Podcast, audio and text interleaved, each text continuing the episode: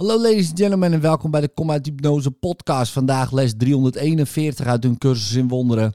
Ik kan slechts mijn eigen zondeloosheid aanvallen en alleen die is het die mij geborgen houdt. Vader, uw zoon is heilig. Ik ben hem, degene tegen wie u glimlacht met zo'n dierbare, diepe en stille liefde en tederheid dat het universum naar u teruglacht en uw heiligheid deelt.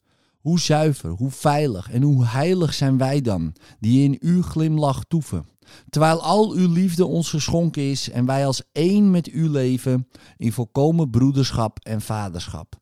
In zo'n volmaakte zonderloosheid dat de Heer der zonderloosheid ons als zijn zoon ziet. Een universum van gedachten dat hem compleet maakt. Laten we dan onze zonderloosheid niet aanvallen, want die bevat het woord van God voor ons. En in haar vriendelijke weerspiegeling zijn we verlost. In liefde, tot morgen.